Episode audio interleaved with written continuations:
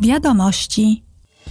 Jutro Komisja Ochrony Środowiska rozpatrzy wniosek dotyczący uzyskiwania lepszych plonów dzięki tzw. nowym technikom genomowym. Ma to wesprzeć zieloną transformację i ograniczyć stosowanie pestycydów i nawozów.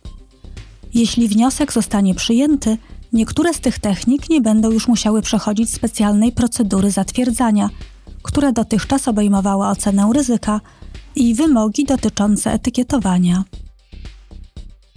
Komisja Europejska przedstawi posłom z Komisji Spraw Zagranicznych i Komisji Budżetowej propozycję utworzenia instrumentu na rzecz reform i wzrostu dla Bałkanów Zachodnich.